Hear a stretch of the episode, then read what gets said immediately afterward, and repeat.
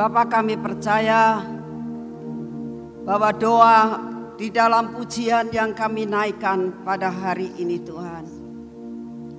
Kami sudah mendengar apa yang pernah terjadi pada masa yang lalu.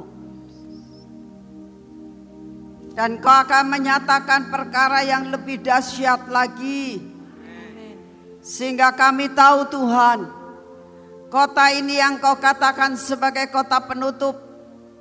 Di dalam putaran terakhir ini Tuhan, Engkau nyatakan perkara-perkara yang lebih dahsyat lagi. Supaya dunia tahu bahwa engkaulah yang memiliki akan langit dan bumi. Engkaulah yang memiliki segala-galanya. Kedaulatanmu tidak akan dapat dibandingkan dengan apa pun juga. Kami sangat percaya akan kuasamu. Kami sangat percaya akan rencanamu yang mulia. Biarlah pada sore hari ini ya Tuhan. Kami boleh mengerti apa yang engkau mau. Siapkan hati kami Tuhan. Untuk benar-benar kami siap dibabat habis Tuhan. Karena hari ini adalah hari di mana kami akan belajar tiga perkara menjadi sembilan jumlahnya Tuhan. Untuk kami minta dibabat habis semuanya sehingga pada tanggal 25 nanti ah, kami akan mengalami pembasuhan. Kami akan mengalami pentahiran dari semua kekotoran dalam hidup kami. Dan siap menerima akan blessing yang daripadamu. Bapak siapkan sungguh-sungguh hati kami untuk kami rela dipotong habis di dalam segala perkara dalam nama Tuhan Yesus. Amin. Silakan duduk saudara. Hari ini kita akan belajar dari babat habis part 3 ya. Saudara, saudara tahu kemarin kita merayakan hari apa?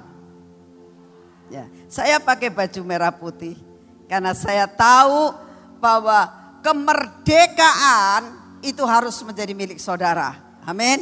Jadi saya membuat sesuatu tindakan profetik bahwa kemerdekaan itu akan menjadi milik saya. Amin. Merah artinya darah Yesus membuat semuanya menjadi putih seperti salju. Amin.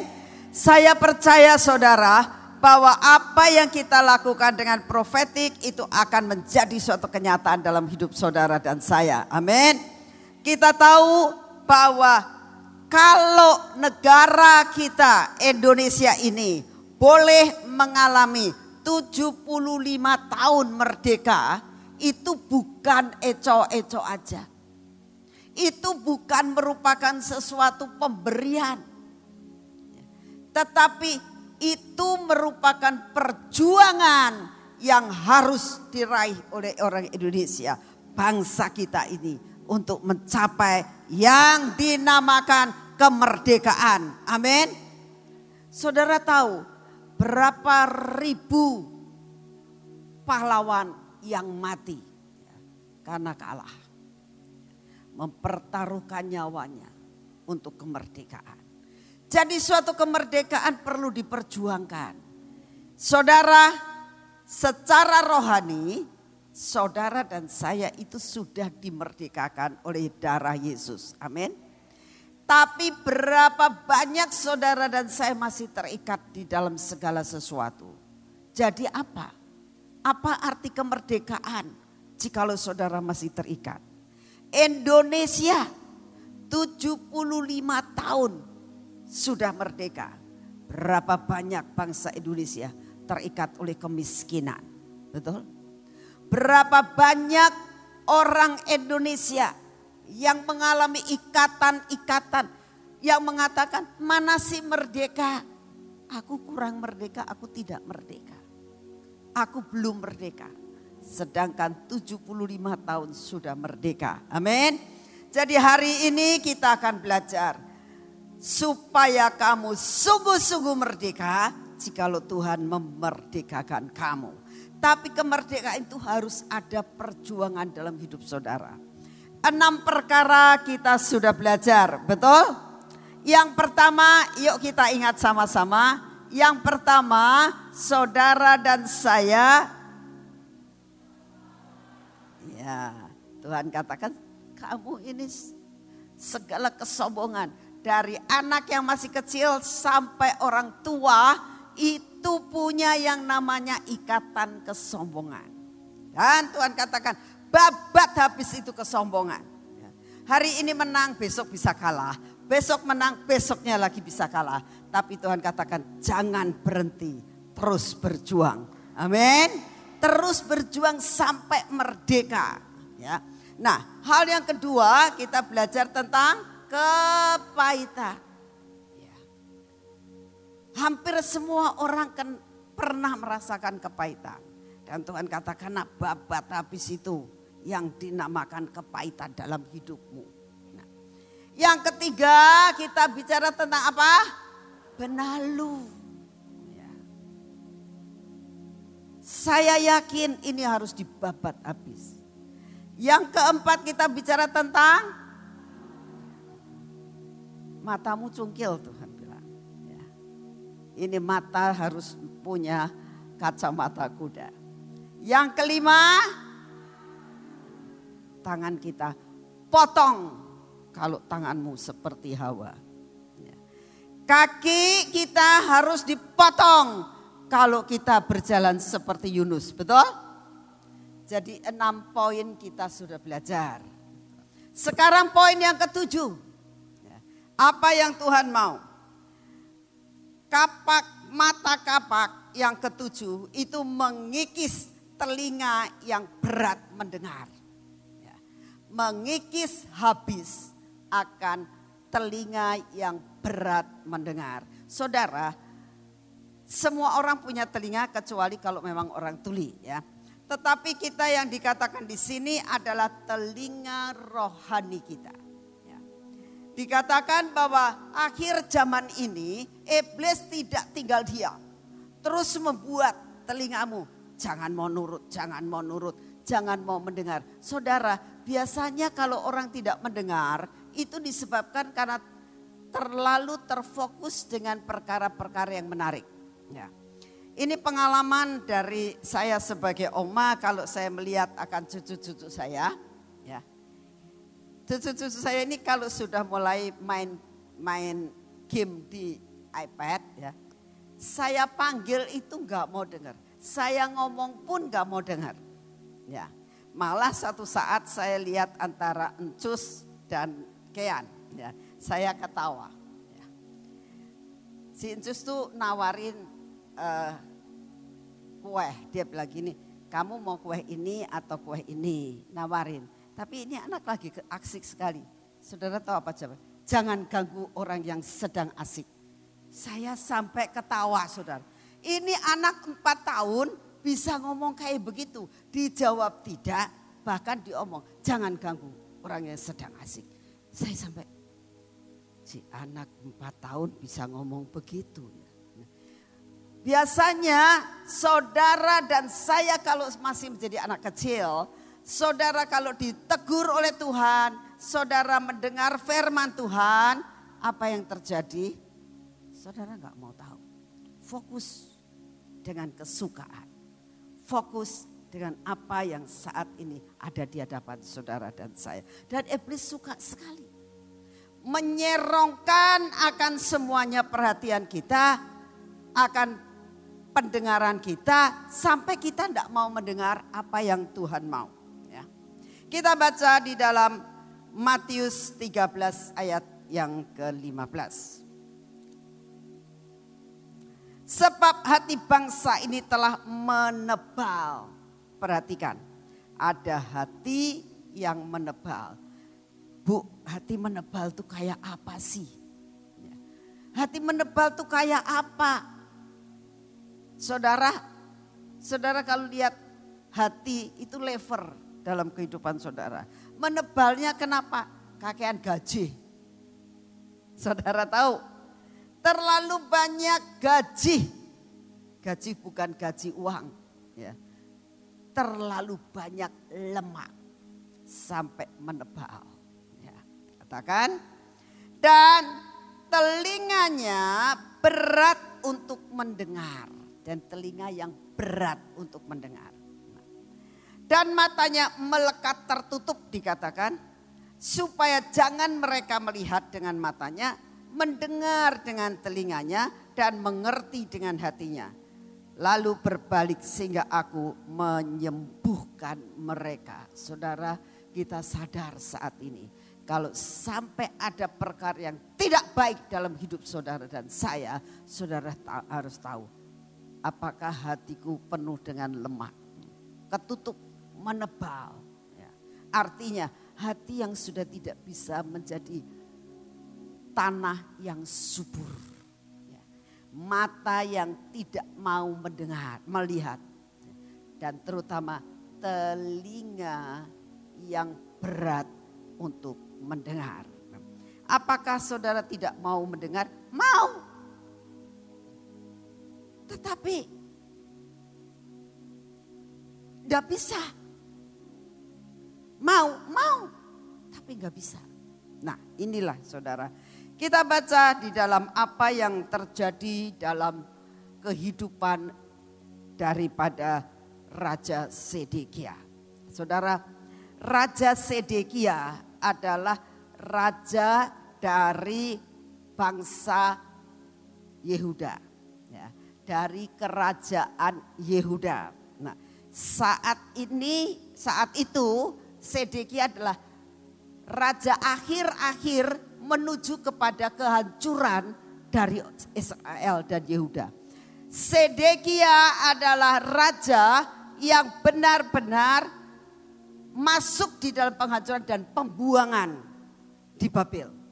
Ini raja Sedekia. Ya. Apa yang terjadi? Sedekia itu punya telinga yang berat mendengar berat untuk mendengar. Nah, kita baca di dalam Yeremia 38 ayat yang ke-14. Raja Sehedia menyuruh orang membawa Nabi Yeremia kepadanya di pintu yang ketiga pada rumah Tuhan. Berkatalah raja kepada Yeremia, aku mau menanyakan sesuatu kepadamu, janganlah sembunyikan apa-apa kepadaku. Saudara, Sedekia begitu-begitu dia ada ketakutan, ada apa. Tapi dia masih percaya sama Tuhan.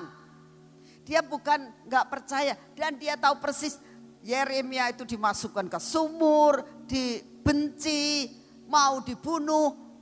Tapi yang dikatakan adalah benci tapi rindu. Ya. Pernah ada kedengaran seperti itu. Aku benci tapi rindu. Nah ini yang terjadi dalam kehidupan Yeremia. Dia tahu persis bencinya terhadap Yeremia, eh, Sedekia ini. Sangat benci terhadap Yeremia karena menubuatkan selalu tidak ada yang baik untuk dia. Tapi dia rindu firman.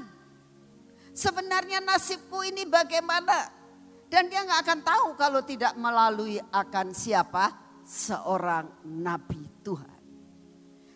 Dia pasti punya banyak nabi. Tapi dia tahu Yeremia adalah seorang yang peka di hadapan Tuhan. Telinganya enggak berat. Dia tahu persis. Oleh karena itu diam-diam dia manggil. Pengen tahu sebetulnya Tuhan itu mau apa atas hidup saya. Jadi kan pengen mendengarkan. Tapi telinganya berat. Kita teruskan.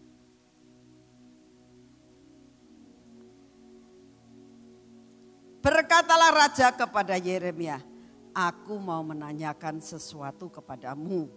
Jangan sembunyikan apa-apa ya kepadaku.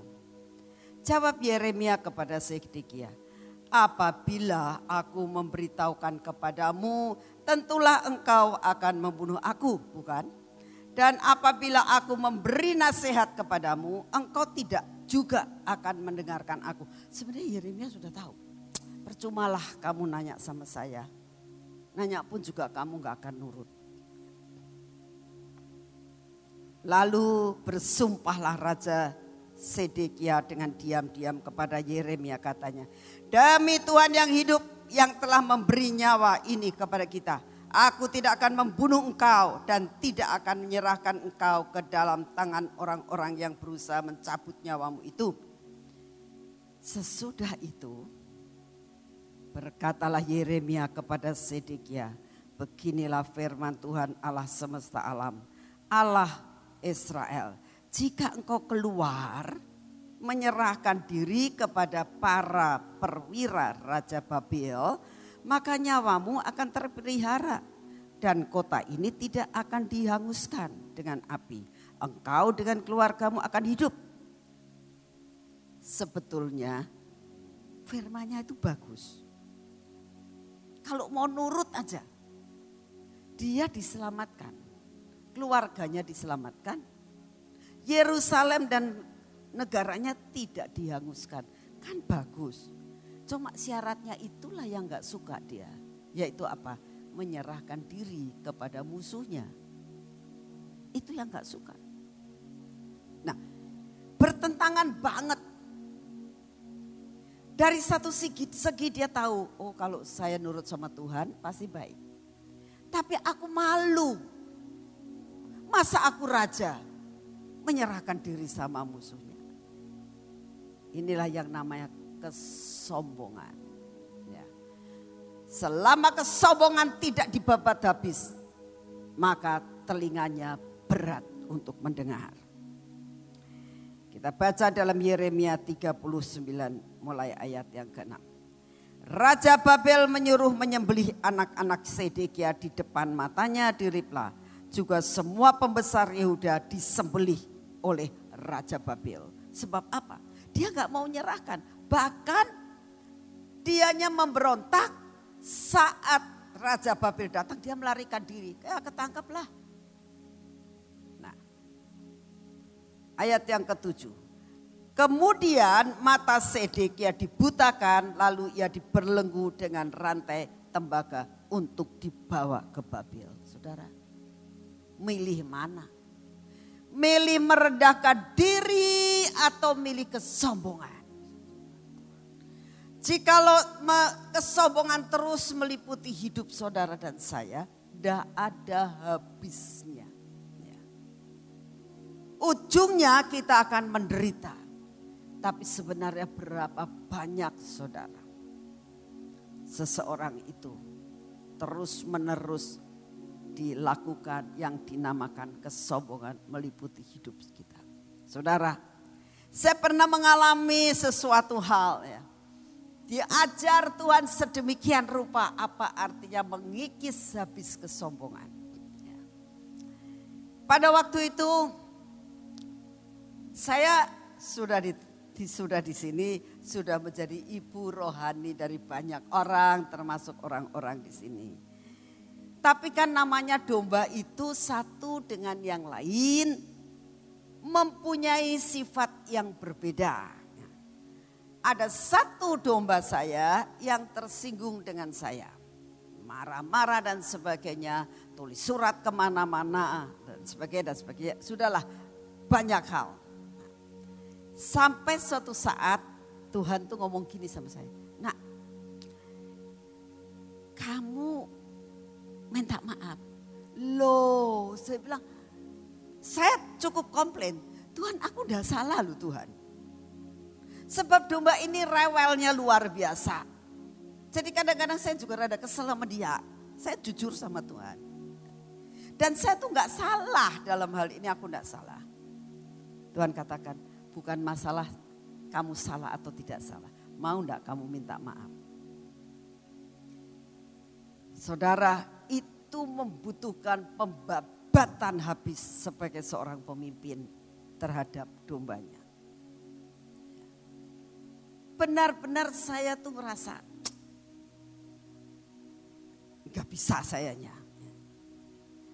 Satu hari, dua hari Tuhan ngomong, maukah engkau minta maaf? Ya Tuhan aku mau. Tapi pakai syarat loh sayanya. Masih sombong. Tapi saya mau telepon ke dia. Ya. Kalau dia nggak mau terima, nggak salah loh aku. Itu karena saya masih membela diri, saudara. Betul saya telepon.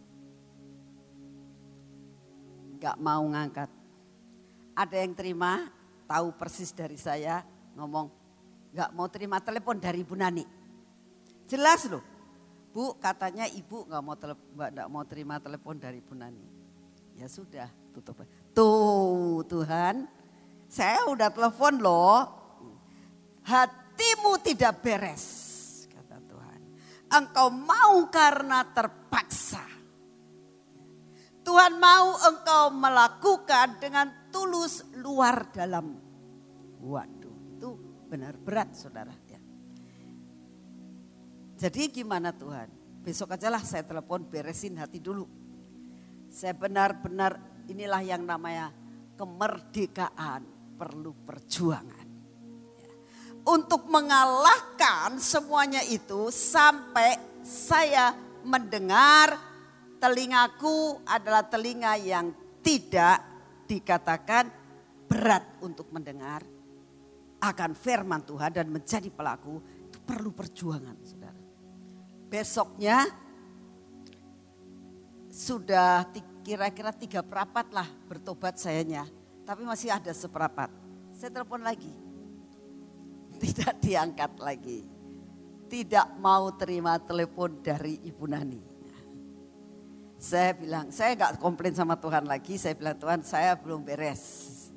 Saya minta dicabut ini semuanya.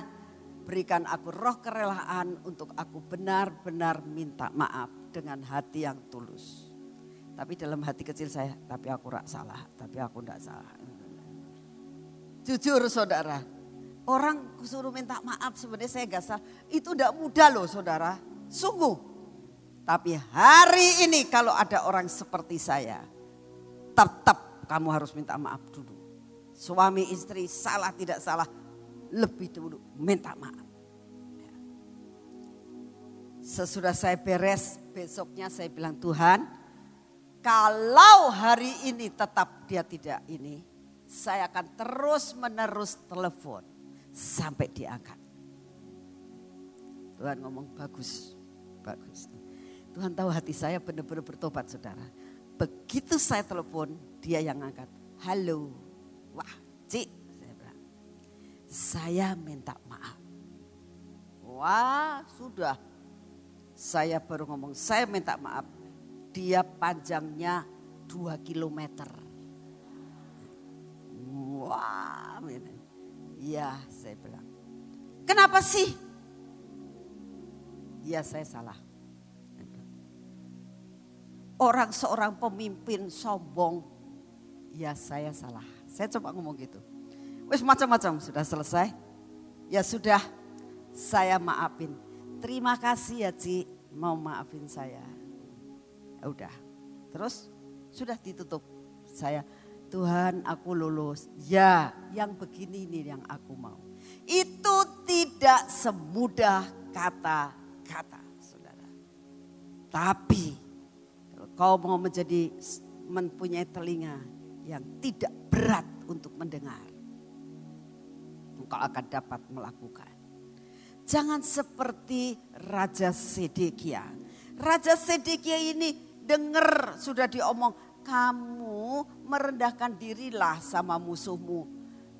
Aduh, aku raja suruh merendahkan diri sama musuh. Wah, gak maulah Tuhan.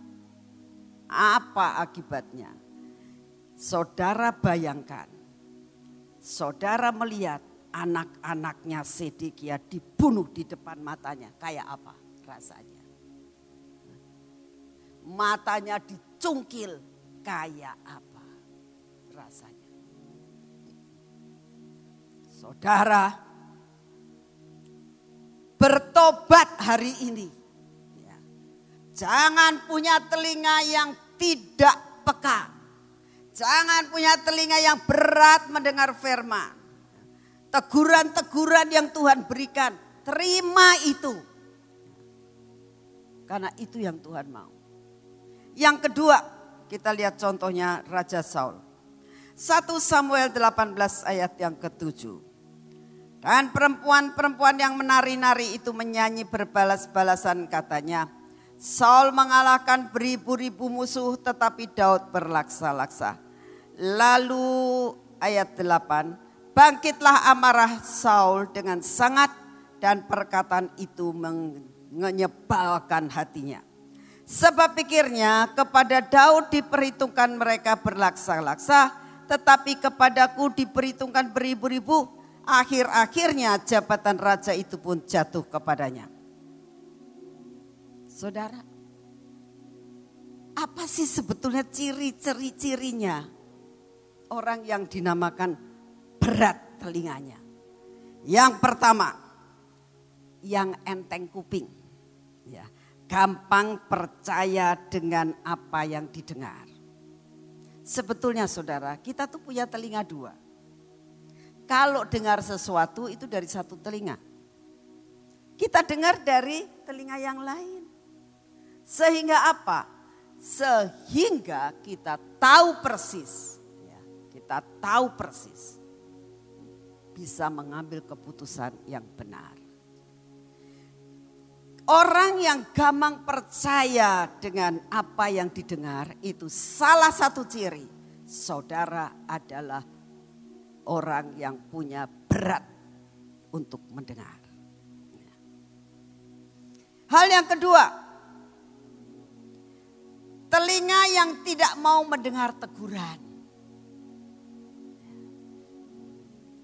Catat baik-baik. Apakah aku suka kalau ditegur itu marah? Ya. Kita tahu ditegur itu sesuatu hal yang tidak enak saudara. Gak pernah ditegur tuh enak. Ya. Yang enak apa? Dipuji. Yang enak apa? Disanjung. Yang enak apa? Dimanja. Itu enak.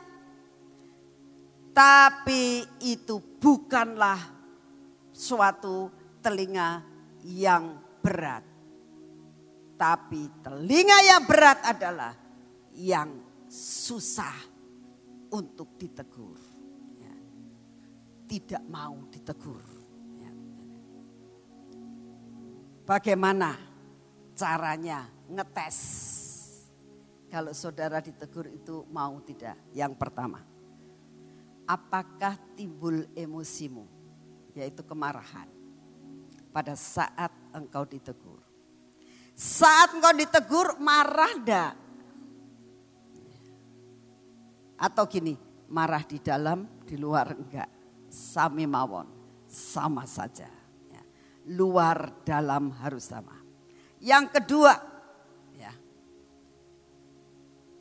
respon kita pada saat ditegur memberi alasan. Ya saya begini karena ini, selalu memberi alasan. Kenapa kamu telat hari ini? Iya, karena begini. Karena apa kamu hari ini sudah dikasih tahu mulainya persekutuan jam 6 kamu datangnya jam 6 seperempat. Iya bu, sebabnya karena kena kereta api di jalan Kesambi situ loh. Loh, kereta api dari zaman bahala juga sudah ada di situ. Dan gak bisa di stop lalu mengatakan, Pak stop dulu aku mau ke Gracia. Gak bisa harus punya planning. Ya. Kalau selalu ditegur dan kamu katakan punya alasan, saudara masih punya telinga yang berat. Bertobat hari-hari ini untuk mencapai tanggal 25 minggu depan. Ya. Jadi bagaimana Bu kalau ditegur? Ya kalau ditegur, kamu begini-begini. Ya saya salah. Udah cukup. Emangnya salah? Orang kalau misalnya terlambat dan ditegur salah gak sih? Salah. Udah ngakuin salah saja.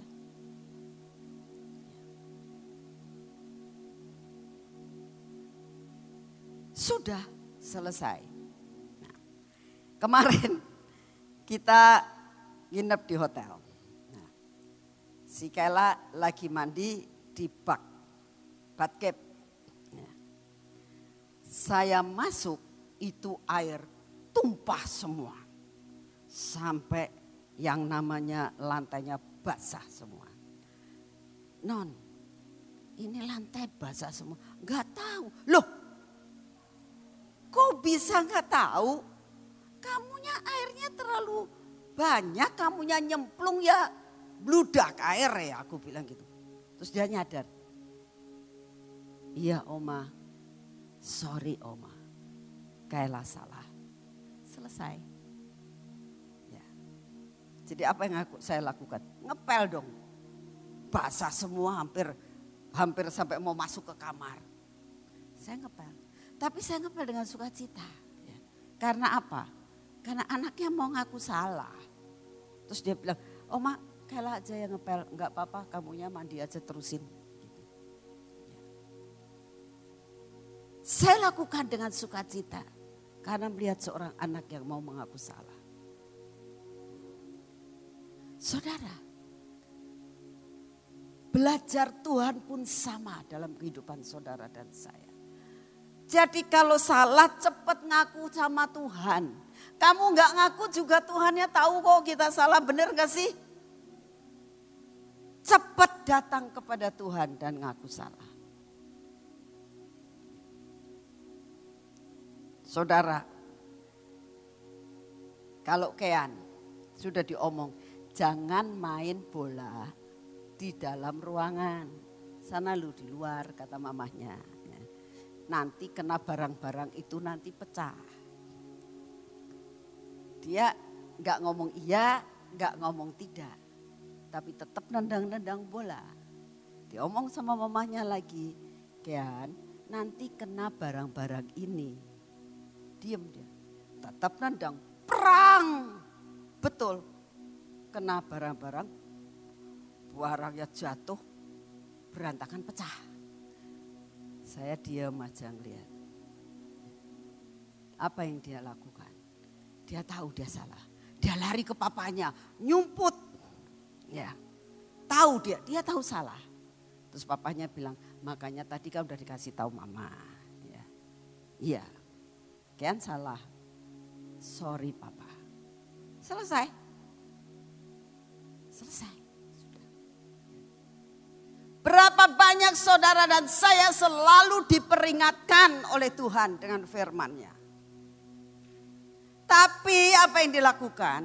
Kadang-kadang telinganya berat untuk melakukan.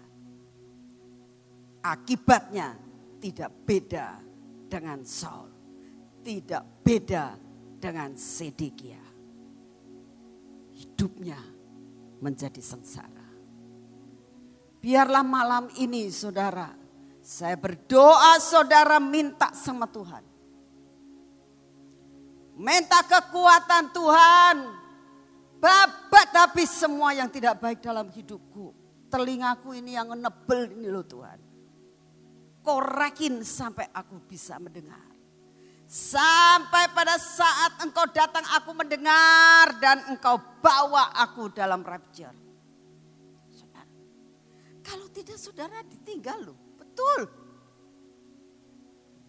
Betul ditinggal.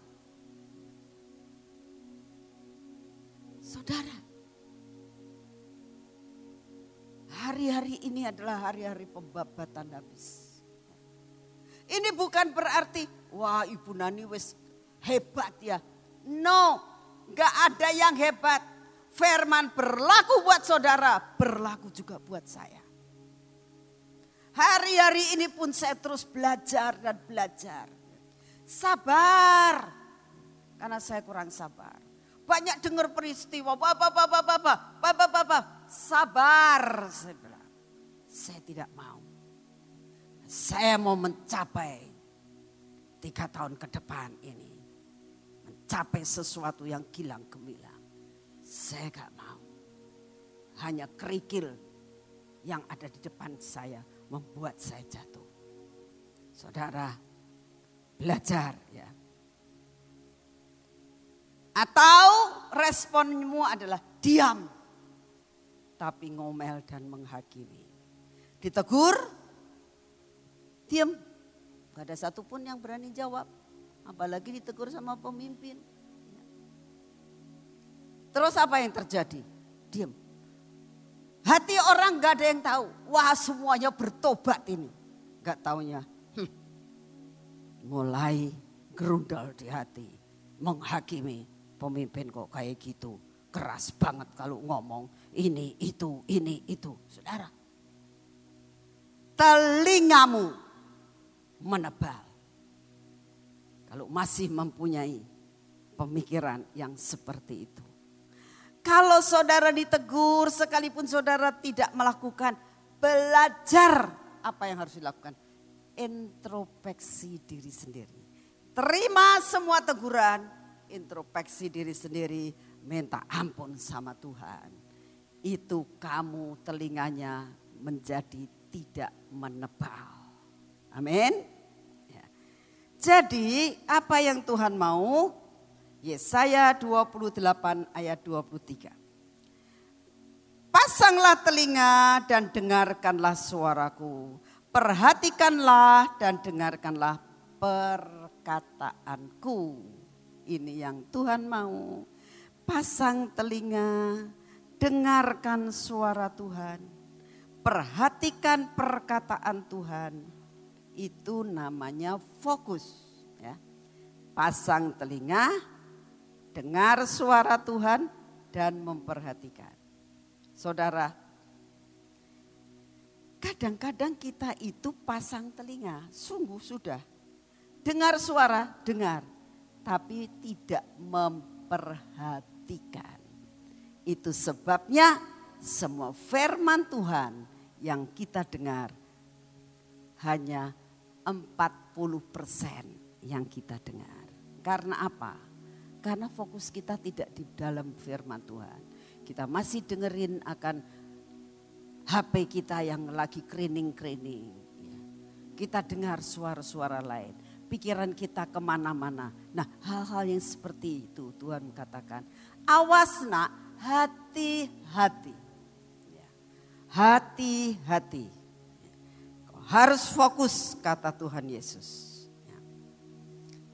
Belajar saudara belajar sungguh-sungguh. Itulah yang dinamakan babat habis. Ya. Telinga yang berat untuk mendengar. Amin. Jelas? Bisa tangkap? Kita teruskan. Fungsi kapak yang kedelapan, saudara. Apa? Seringkali ya dalam saya uh, pengasingan, Tuhan bicara tentang mempertajam lidah. Itu bukan berarti kamu dosa lidahnya begini-begini. Enggak. Bahkan Tuhan itu mengajar saya tentang pertajam lidahmu. Pertajam lidahmu secara positif. Kenapa? Tuhan katakan nak, aku menciptakan manusia itu sempurna. Jadi bibir, mulut dan lidah itu aku yang menciptakan. Dan apa yang aku ciptakan, kata Tuhan, itu punya tujuan dan maksud yang mulia. Pada saat saya sedang pengasingan Tuhan katakan gitu. Aku punya sesuatu menciptakan itu tidak sembarangan. Dan aku tidak katakan ya sudah bibir, mulut, lidah itu dunia kejahatan. Tidak. Tuhan katakan pertajam lidahmu. Pertajam. Sampai putaran terakhir ini banyak jiwa yang diselamatkan. Lawatan Tuhan terjadi. Apa yang kamu katakan menjadi berkat buat setiap orang. Oleh karena itu Tuhan katakan, Fungsi daripada kapak yang kedelapan ini adalah pertajam lidahmu. Ini bicara tentang perkara yang positif. Ya. Pertajam lidahmu. Saudara, saya teringat kepada almarhum Aliong. Ya. Anaknya yang tadi di sini putar-putar lagi motret-motret. Dia senang sekali dengan burung. Dan dia katakan, Mi, kalau burung itu ya, tidak bisa berkicau dengan baik, itu lidahnya dikerok. Dikerok sama apa? Sama cincin. Supaya apa? Nanti dia bisa bersuara luar biasa. Bagus sekali. Nah, saya teringat akan almarhum suami saya. Ya. Dia punya burung cucak rawa banyak sekali di rumah saya. Ya. Ada yang bagus, makanya orang kalau ngomong, ibu-ibu yang cerewet, kamu tuh cerewet banget kayak burung cucak rawa. Jadi saudara tahu kalau saudara terlalu cerewet yang tidak baik itu burung cucak rawa katanya. Istilahnya orang Sion. Itu suami saya itu kalau saya lihat lagi mandi burung dan sebagainya, saya lirik aja, seneng sih tidak. Bahkan rada menghakimi saya. Mainannya kayak gitu-gitu. Ya. Tapi saya lihat teman-temannya datang, itu lidahnya pada dikerokin. Ya. Dalam hati saya, apa bisa sih kayak gitu. Tapi wujudnya bisa loh. Ya. Jadi sebetulnya fungsi kapak yang kedelapan itu ngerok lidah kamu. Dikerok, nggak tahu dikeroknya itu yang kotoran lah, yang apalah, yang dikerok sampai sedemikian rupa. Sampai lidahmu menjadi tajam. Karena apa? Tuhan menciptakan lidah buat Anda dan saya. Punya tujuan. Lawatan terakhir engkau bisa memenangkan dunia. Amin. Bukan sekedar perkara rohani perkara jasmani kalau orang itu pintar ngomong, orang nggak jadi beli jadi beli loh saudara. Sungguh. Saya pernah pergi ke satu toko, ya, iseng, nggak mau beli apa-apa, cuma iseng. Ya. Begitu masuk, oh ibu silahkan masuk. Nah, belum apa-apa, lidahnya sudah manis banget. Lalu? Ibu pengen apa? Cuma lihat-lihat. Bu, bu sini bu. Terutama kalau saudara ya, pergi ke toko uh, Bombay. Oh, orangnya bagus-bagus itu.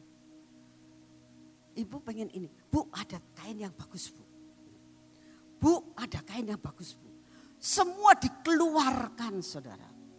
Dari yang murah sampai yang mahal. Dari yang yang kasar sampai yang halus. Lama-lama saya tuh sungkan.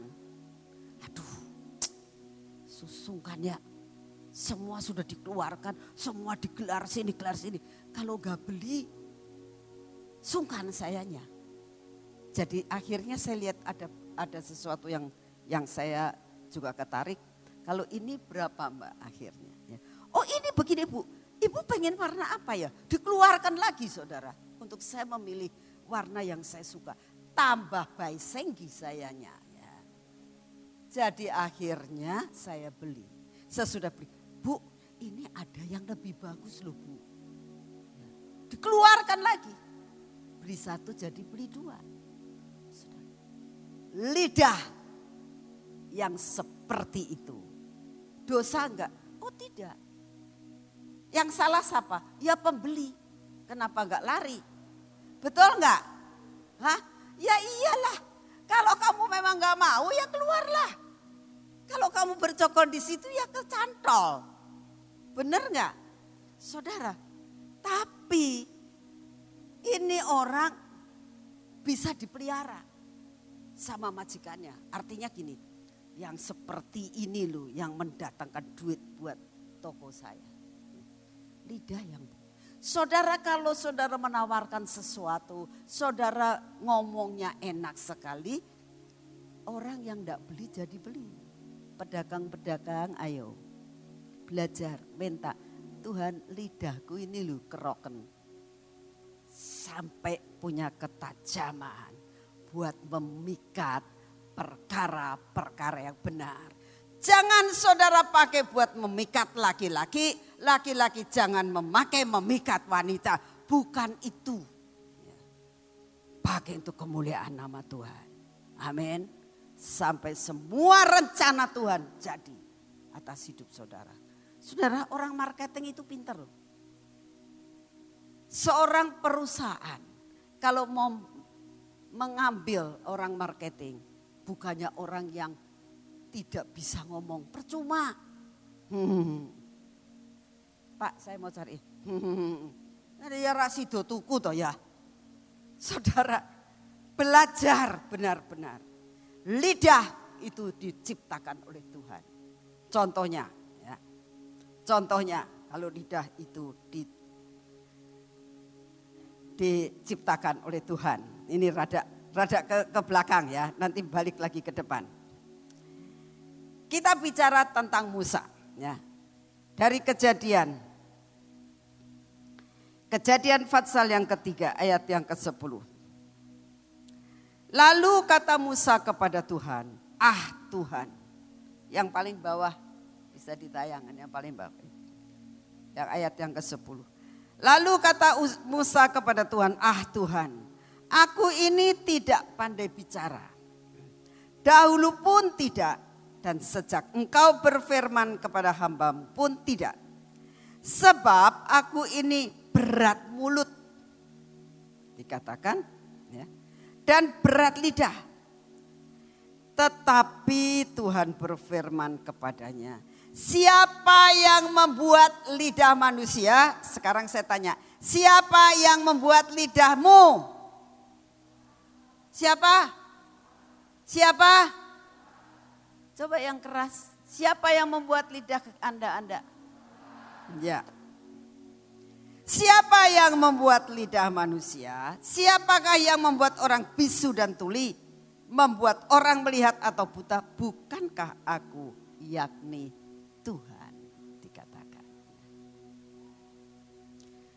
Bukankah aku yang membuat lidah? Jadi Tuhan membuat lidah untuk kemuliaan nama Tuhan.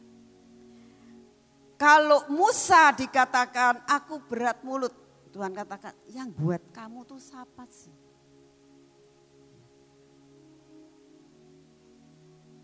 Tuhan sanggup memakai kamu dengan banyak mujizat untuk membawa bangsa yang besar keluar dari perbudakan. Dan hari ini Tuhan katakan, nak Tuhan akan membuat lidah-lidahmu ini menjadi ketajaman yang luar biasa. Untuk membawa bangsa ini dekat kepada Tuhan. Untuk membuat lawatan, untuk membuat tuayan terjadi di dunia ini. Siap? Katakan Tuhan aku mau dikerok ini mulutku. Ya. Aku mau Tuhan. Karena lidah itu adalah dikatakan dunia kejahatan. Ya, kita kembali yang di depan. Dikatakan di dalam Yakobus 3 ayat yang kedua. Eh. Sebab kita semua bersalah dalam banyak hal. Barang siapa tidak bersalah dalam perkataannya, ayo tayangkan lagi. Ia adalah orang yang sempurna yang dapat juga mengendalikan seluruh tubuhnya. Kita mengenakan kekang pada mulut kuda sehingga ia menurut kehendak kita. Dengan jalan demikian kita dapat juga mengendalikan seluruh tubuhnya. Dikatakan ada kuda yang bisa dikekang. Tapi lihat saja kapal-kapal walaupun amat besar dan digerakkan oleh angin keras namun dapat dikendalikan oleh kemudi yang amat kecil menurut kehendak juru mudi. Demikian juga lidah, walaupun suatu anggota kecil dari tubuh, namun dapat menegakkan perkara-perkara yang besar. Lihatlah betapapun kecilnya api, ia dapat membakar hutan yang besar. Saudara, sebetulnya lidah itu uh, sesuatu alat yang selalu bersembunyi. Siapa yang jalan gini? Enggak kan? Tertutup mulutnya, dia duduk manis dan ditutup dengan bibir. Ya bukan? Tapi bisa berfungsi dua. Bisa untuk kemuliaan nama Tuhan atau untuk memuaskan diri sendiri. Hari ini yang Tuhan katakan, nah aku bukannya mau membuat engkau untuk memuaskan hawa nafsumu dengan bibir mulutmu. Jangan sampai Tuhan katakan engkau pakai lidahmu buat gosip. Jangan sampai lidahmu kau pakai untuk membicarakan orang luar. Jangan sampai lidahmu kau pakai untuk mencelakakan orang luar. Lidah bisa dipakai untuk memuji Tuhan. Lidah bisa dipakai untuk berbicara, fasih berbicara. Ya. Bisa mempunyai suara yang indah. Ya. Bisa berkhotbah. Bisa dipakai untuk menasehati. Bisa dipakai untuk mengajar. Itu lidah. Ini semua perkara yang positif yang dapat kita lakukan. Dan Tuhan katakan, nak aku mau lawatan terakhir pakai lidahmu. Supaya sampai rencana Tuhan jadi atas hidupmu. Amin. Amin. Pertajam kata Tuhan. Pertajam kata Tuhan. Yang terakhir Fungsi kapak yang kesembilan adalah mempertajam penciumanmu. Saudara, saya tadi baru waktu doa siang ada seorang yang sakit. Lalu pertanyaan yang pertama dari salah satu pendoa syafaat, coba Bunda ditanya, penciumannya masih oke okay belum? Kamu tuh ya aku bilang, belum apa-apa kamu sudah, kamu pikirannya covid ya, aku bilang gitu ya. Pikiran sekarang itu covid lagi, covid lagi, covid lagi, covid itu tidak tidak selalu penciumannya itu hilang. Ya. Tapi hari ini saya mau sampaikan sesuatu. Pertajamlah penciumanmu. Penciuman yang bagaimana? Saudara, saya pernah mendengar seseorang yang mempunyai uh, talenta ya untuk mencampur semua wine ya. sampai dia itu diangkat oleh uh, di salah satu kafe yang terkenal hanya khusus untuk mencampur wine. Orang yang dia mengatakan begini, saya mau minta wine yang seperti ini. Oke, dia bisa campur, campur, campur, campur, dikasihkan ini yang kamu mau. Begitu orangnya minum, dia katakan, wow, tepat yang aku mau. Luar biasa. Penciumannya luar biasa. Dari satu wine kepada wine yang lain, dia campur-campur-campur sampai bisa menciptakan sesuatu hal yang luar biasa. Penciumannya terlalu tajam. Lalu saya tanya, dia peminum? Tidak dia tidak pernah ngicipin. Jadi lidahnya tidak dipakai buat ngicipin wine. Tapi yang dipakai untuk melakukan segala sesuatu dari penciumannya.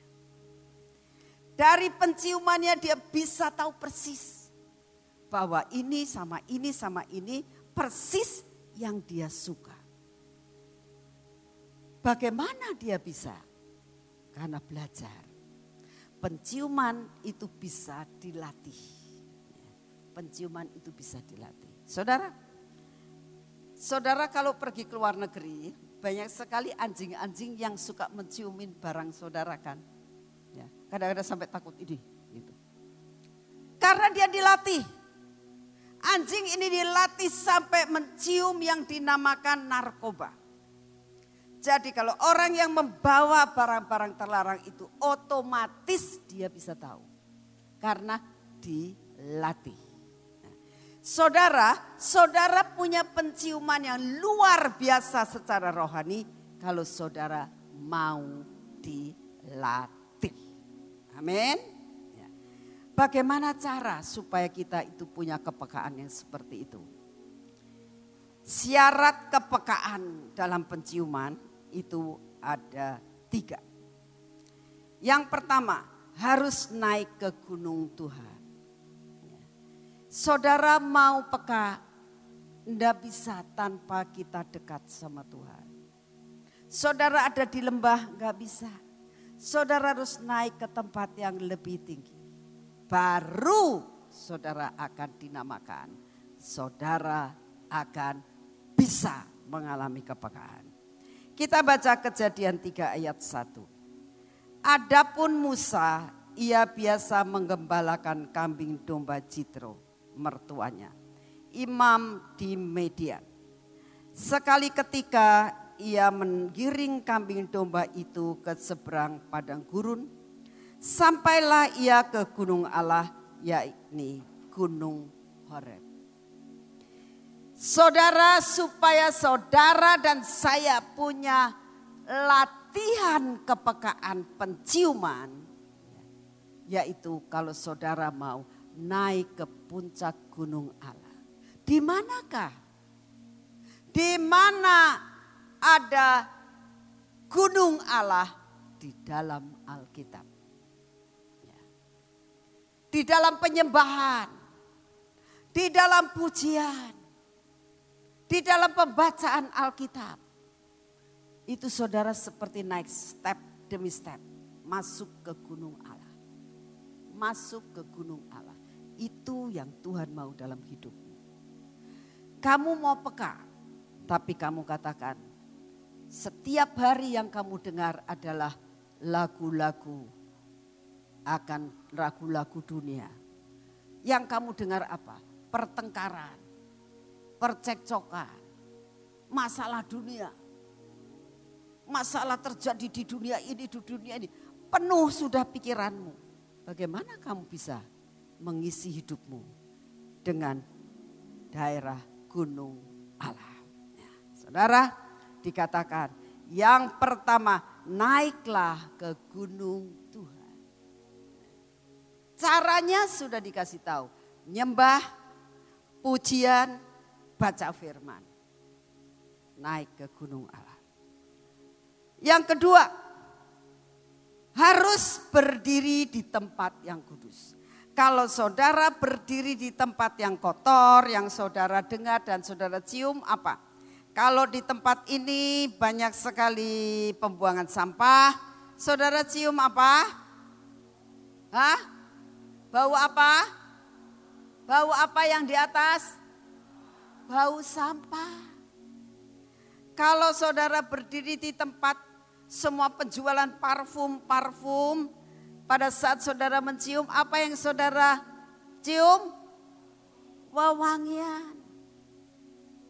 Kalau saudara berdiri di tempat orang yang bau sekali. Saudara saya pernah pergi di daerah Brasil ya waktu itu. Terus malam-malam diajak pelayanan ke tempat orang-orang mabuk-mabuk gitu. Dia omong gini, jangan bawa apa-apa, jangan bawa tas, jangan perhiasan, jangan bawa segala macam, jangan pakai apa-apa. Sudah orang-orang saja berangkat. Itu saja saya sudah rada takut loh. Kok begini ya? Ini harusnya saya nggak usah ikut perempuan-perempuan ini laki-laki saja. Nggak apa-apa Bu Nani orangnya orangnya nggak jahat-jahat seperti itu. Tapi kok ngomong gak jahat, gak boleh bawa ini, gak boleh bawa itu, gak boleh bawa ini. Jadi kan ngomongnya gak jahat. Tapi kok seperti itu, itu image-nya sudah gak benar saya, saya yang lihatnya. Pada saat kita ke sana, itu semua bau alkohol, saudara. Karena mereka mabuk semua. Di mana engkau bergaul, di situ yang kamu cium adalah perkara-perkara begitu. Kalau engkau bergaul dengan orang-orang yang suka ngomongin orang, yang kamu cium adalah itu semua. Terkontaminasi. Oleh karena itu dikatakan, kamu harus berdiri di tempat kudus. Kita baca ayat yang kelima. Lalu Tuhan berfirman kepada Musa, janganlah datang dekat-dekat. Tanggalkan kasutmu dari kakimu Sebab tempat di mana engkau berdiri itu adalah tanah yang kudus. Saudara, ini ceritanya Musa sudah sampai ke Gunung Horeb. naik di atas. Dia tidak tahu bahwa dia saat itu sedang berdiri di tempat yang kudus. Dia belum tahu. Saat dia sedang berdiri, tiba-tiba Tuhan mengatakan, Nak, kamu ini sudah berdiri di tempat kudus, tapi hidupmu belum kudus. Jadi apa Tuhan? Tanggalkan kasutmu. Dia tanggalkan kasutnya. Dia kembali. Nah yang seperti ini aku baru mau berfirman kepadamu. Aku akan melatih penciumanmu untuk mengerti, mencium apa yang Tuhan mau. Saudara rindu untuk mencium akan apa yang Tuhan mau? Tuhan katakan, nah berdirilah di tempat yang kudus. Ya. Apa artinya berdiri di tempat kudus? Menanggalkan akan sepatunya. Sepatu itu berbicara tentang begini. Orang kalau pakai sepatu nggak ada orang pakai sepatu ditaruh di tangan, betul? Kalau saudara mau pergi, sepatunya ditaruh di tangan, dua-duanya terus jalan orang orang kan itu edan ta. Kak, sebab sepatu adanya di kaki, ini kok ada di tangan. Gak pada tempatnya. Nah, sepatu itu ada di kaki. Tujuannya artinya adalah prinsipmu, pikiranmu, jiwamu itu yang kamu kepengenanmu, keinginanmu, tanggalkan semua. Kalau kamu mau mencari dan mencium akan kehendak dan maunya Tuhan. Tuhan katakan nak gak bisa kamu. Ya. Tanggalkan semua. Tanggalkan semua. Dan ini perlu yang dinamakan latihan. Gak bisa instan. Lalu, oh ya ya ya ya, gak bisa. Gak bisa instan saudara. Ini perlu yang dinamakan latihan. Dilatih, dilatih, dilatih, dilatih, dan dilatih. Ya. Penciuman itu perlu latihan. Jadi kalau kamu tanggalkan semuanya itu perlu latihan. Hari ini gagal, gak apa-apa, terus lagi, terus lagi, terus lagi. Dan saya berdoa tanggal 25 semua sudah kudus. Amin. Itu yang Tuhan mau dalam kehidupan. Ya. Yang ketiga, bisa mencium atmosfer surgawi. Bisa mencium atmosfer surgawi. Kalau kamu sudah masuk kepada dimensi yang dinamakan bisa mencium atmosfer surgawi, engkau akan bisa menerima perkara-perkara supranatural. Ya. Sekali lagi saya katakan, kalau engkau bisa ya, mencium atmosfer surgawi, engkau akan dapat menerima perkara-perkara yang supranatural. Saudara, saya mau ngasih tahu dan saya yang mengalami setiap kali saya masuk ke taman Tuhan, ya, saya tahu ada Tuhan. Saat saya berjalan, saya tahu Dia ada. Saat saya masuk ke dalam mahligai, saya tahu Dia ada. Dan saya boleh mencium akan atmosfer dari kerajaan surga. Saya bisa betah tinggal di situ. Saya boleh merasakan ada sesuatu yang tidak diberikan oleh dunia. Saya bisa mengalami kedamaian yang luar biasa. Saya pernah tanya sama Tuhan, Tuhan, kalau aku doa di kamar doaku, Dengan aku bandingkan dengan aku doa di tempat yang namanya Malige. Kok berbeda ya Tuhan? Iya nak, berbeda. Atmosfernya berbeda. Kamu bisa merasakan atmosfer yang berbeda. Sedangkan kalau orang ke rumah saya begitu mau masuk kamar, doa saya bilang, aduh rasanya hadirat Tuhan. Tapi saya bisa membedakan. Lalu saya tanya begini, Tuhan, engkau ada enggak sih di kamar doa saya? Ada. Bahkan aku berikan ada tiga, tiga uh, eagle yang aku taruh di situ. Nah, lalu saya tanya, kenapa supranatural kok enggak di, ada di kamar saya? Adanya kok di Mali. Tuhan tersenyum dan mengatakan, nak engkau nggak tahu, tapi aku tahu. Maksudnya gimana Tuhan? Lah kalau misalnya aku buat supranatural di kamarmu, semua orang datang ke kamarmu. Nanti kamarmu jadi apa? Iya ya Tuhan.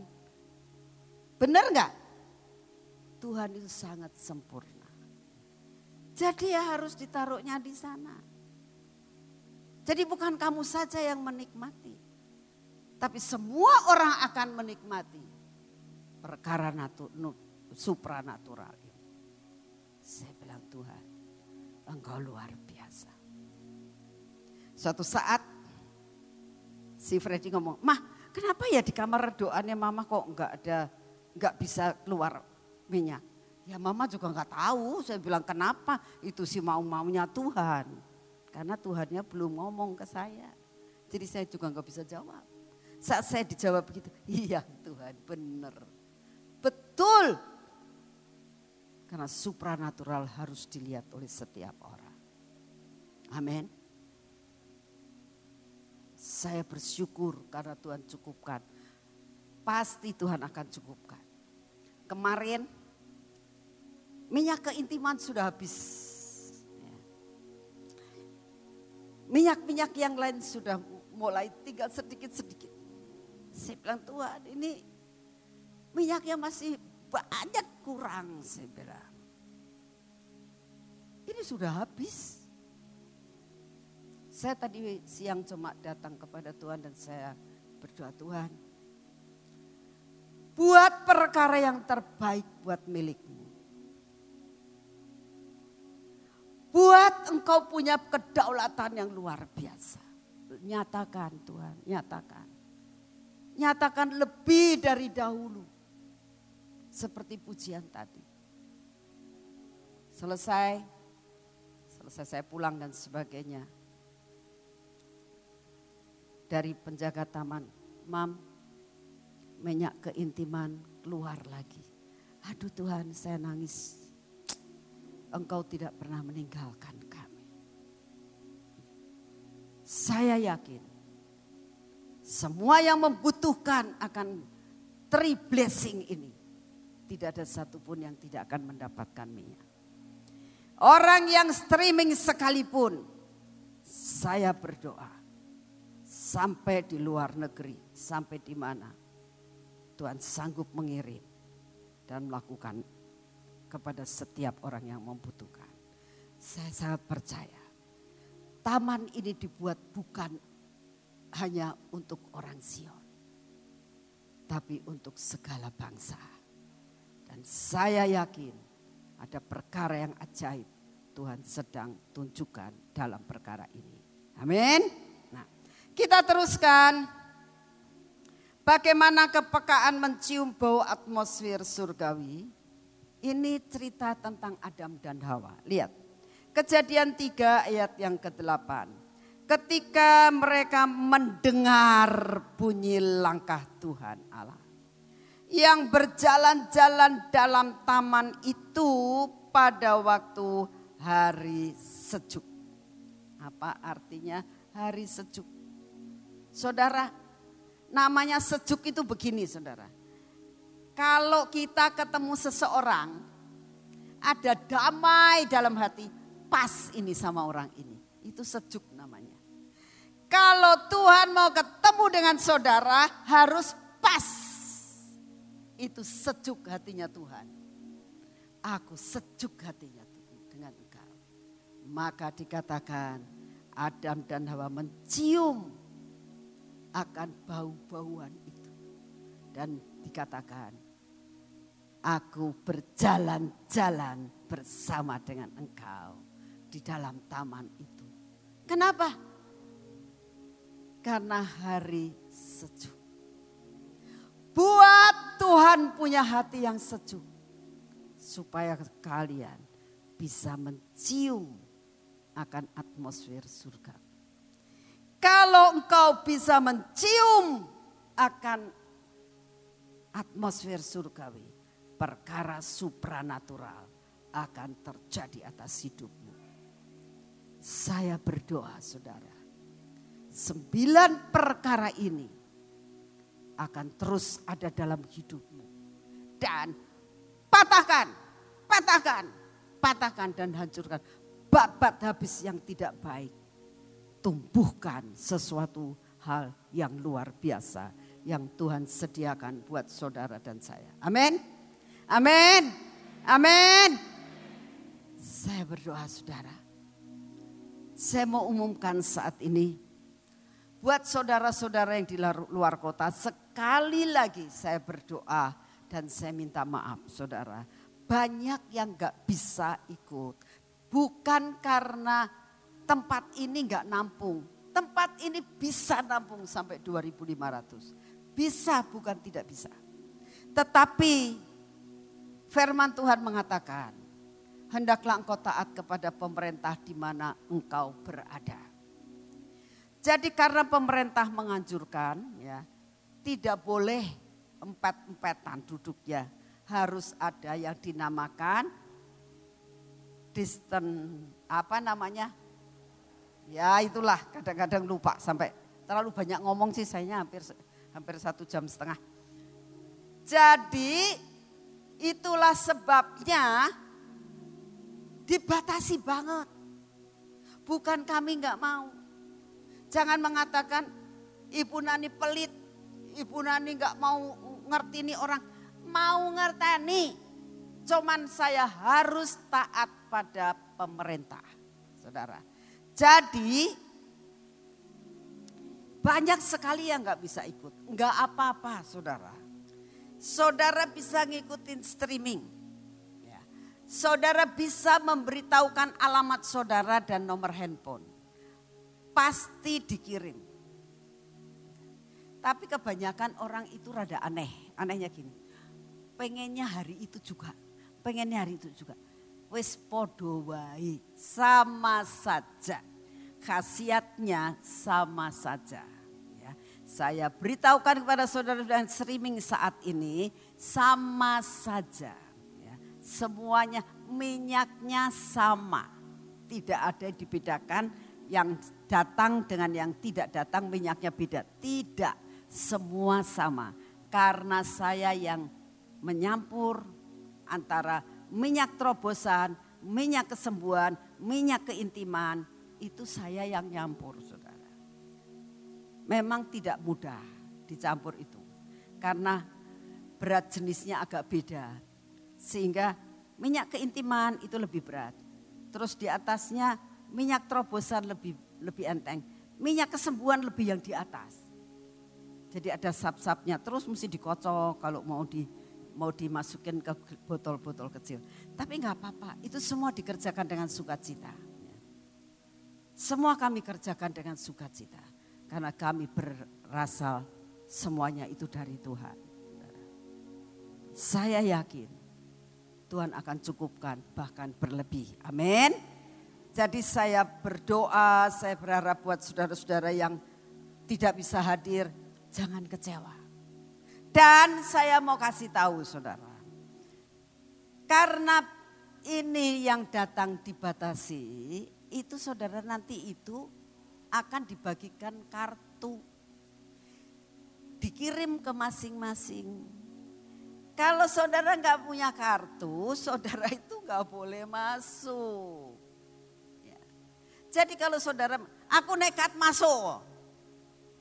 Pasti penjaganya akan mengatakan, mana bu tiketnya?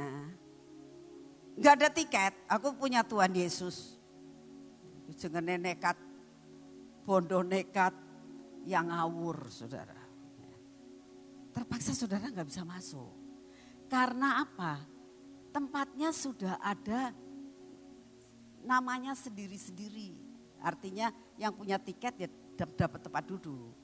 Bu, aku nggak usah pakai tempat duduk, duduk di bawah juga mau. Bukan masalah itu ya tuan-tuan dan nyonya-nyonya yang saya hormati. Ya. Nanti kita akan dapat teguran dari pemerintah. Ya. Dan itu sangat menyusahkan kami. Jadi terpaksa kalau sampai saudara nekat datang dan ternyata tidak diterima, karena nanti pintumu ditutup loh saudara. Jangan ngomong gini, ya wis aku nanti jam satu datang. Tutup, tak tutup pintunya. Ya, belum buka.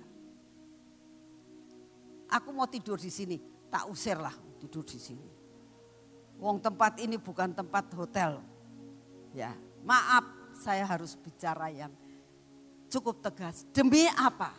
Saya harus taat kepada pemerintah. Amin. Jelas ya? Jelas ya saudara? Saudara itu nanti yang dari dalam kota pun itu dapat tiket. Ya. Semua dapat tiket, jangan dikira gini. Ya saya ngomong aja kalau orang Sion, nggak dapat tiket juga nggak apa-apa, kan orang Sion. Orang Sion, orang mana pun juga harus punya tiket, saudara. Lalu misalnya, pengen tahu sih tiketnya kayak apa, tak fotokopi juga nggak tahu nanti diliminating ada sepasang mata yang melihat apa yang kamu perbuat dan akan mengakibatkan dosa saudara ditanggung sendiri. Hati-hati, ini acaranya Tuhan bukan acara manusia. Saya berdoa saudara punya ketaatan di dalam melakukan ini semuanya. Amin. Amin saudara. Ya, sekarang kita akan masuk dalam doa untuk kita memberikan persembahan kepada Tuhan. Mari bangkit berdiri. Bapa kami sudah mendengar akan firman-Mu. Engkau siapkan hati kami untuk memberikan yang terbaik untuk-Mu ya Tuhan. Terima kasih, terima kasih, dan terima kasih. Kami mau memberikan yang terbaik untukmu. Bicaralah kau kepada kami Tuhan. Berapa yang harus kami berikan kepadamu. Kami tidak memberikan kepada manusia. Tapi kami mau memberikan kepadamu. Dalam nama Tuhan Yesus. Amin. Silakan maju ke depan. Saudara yang di atas sudah ada tempatnya untuk kita bisa memberikan persembahan.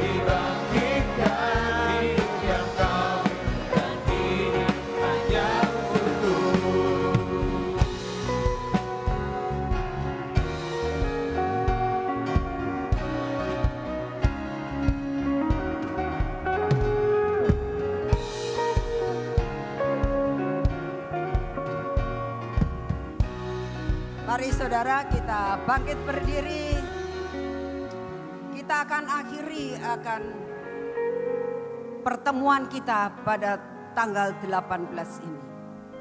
Bapak kami percaya Tuhan, setiap orang yang ada di tempat ini melihat akan kemuliaan-Mu.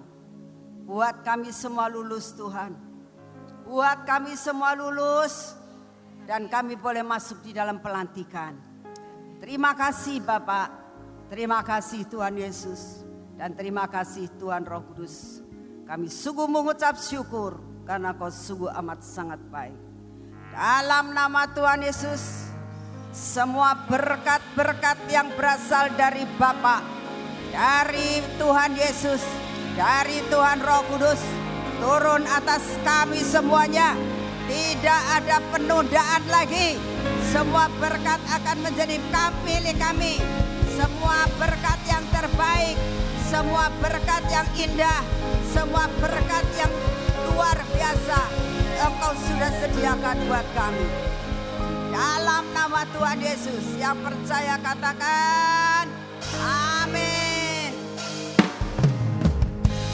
Lord bless you. And